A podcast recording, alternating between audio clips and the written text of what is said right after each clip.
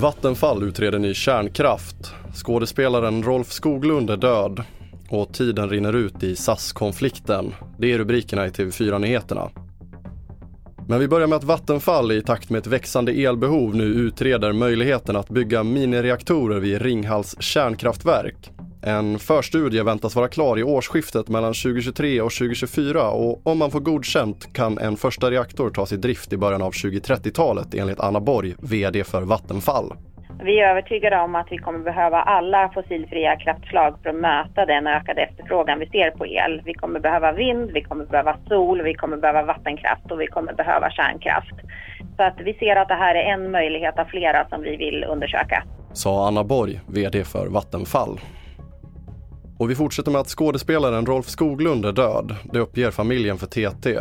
Under sin långa karriär gjorde Skoglund en rad välkända rolltolkningar på scen, film och i tv. Bland annat pappan Gösta Bäcklund i klassikern Vi hade i alla fall tur med vädret från 1980 och han spelade även rollen som Bebe Fora i TV4s Fångarna på fortet. Rolf Skoglund blev 81 år gammal.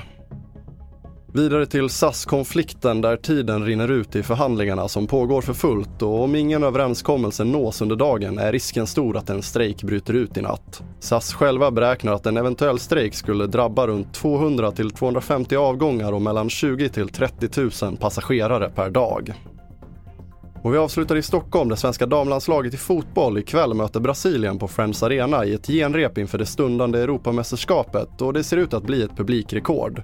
Över 34 000 biljetter är sålda till matchen, vilket är cirka 10 000 mer än de 25 882 som såg Sverige spela mot Tyskland 2019. Det blir väldigt känslomässigt, åtminstone för mig, när jag står där ute och, och får, får höra alla svenska fans som, som är där för vår skull och sjunger nationalsången. Och vi gör det tillsammans och har det stödet i ryggen. Så eh, skulle kunna komma en tår faktiskt.